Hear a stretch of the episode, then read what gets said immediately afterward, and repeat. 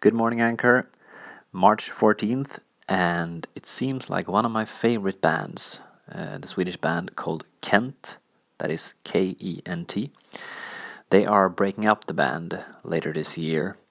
They posted a video on their website last night. Uh, I've linked to it in the, in the description here.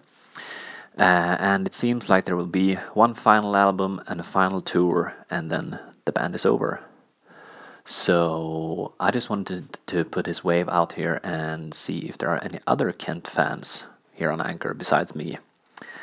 So in that case, reply, respond. Um, let's talk about Kent. What albums do you like? Are there any albums you don't like? Favorite songs? All that kind of stuff. Okay, that's it for now.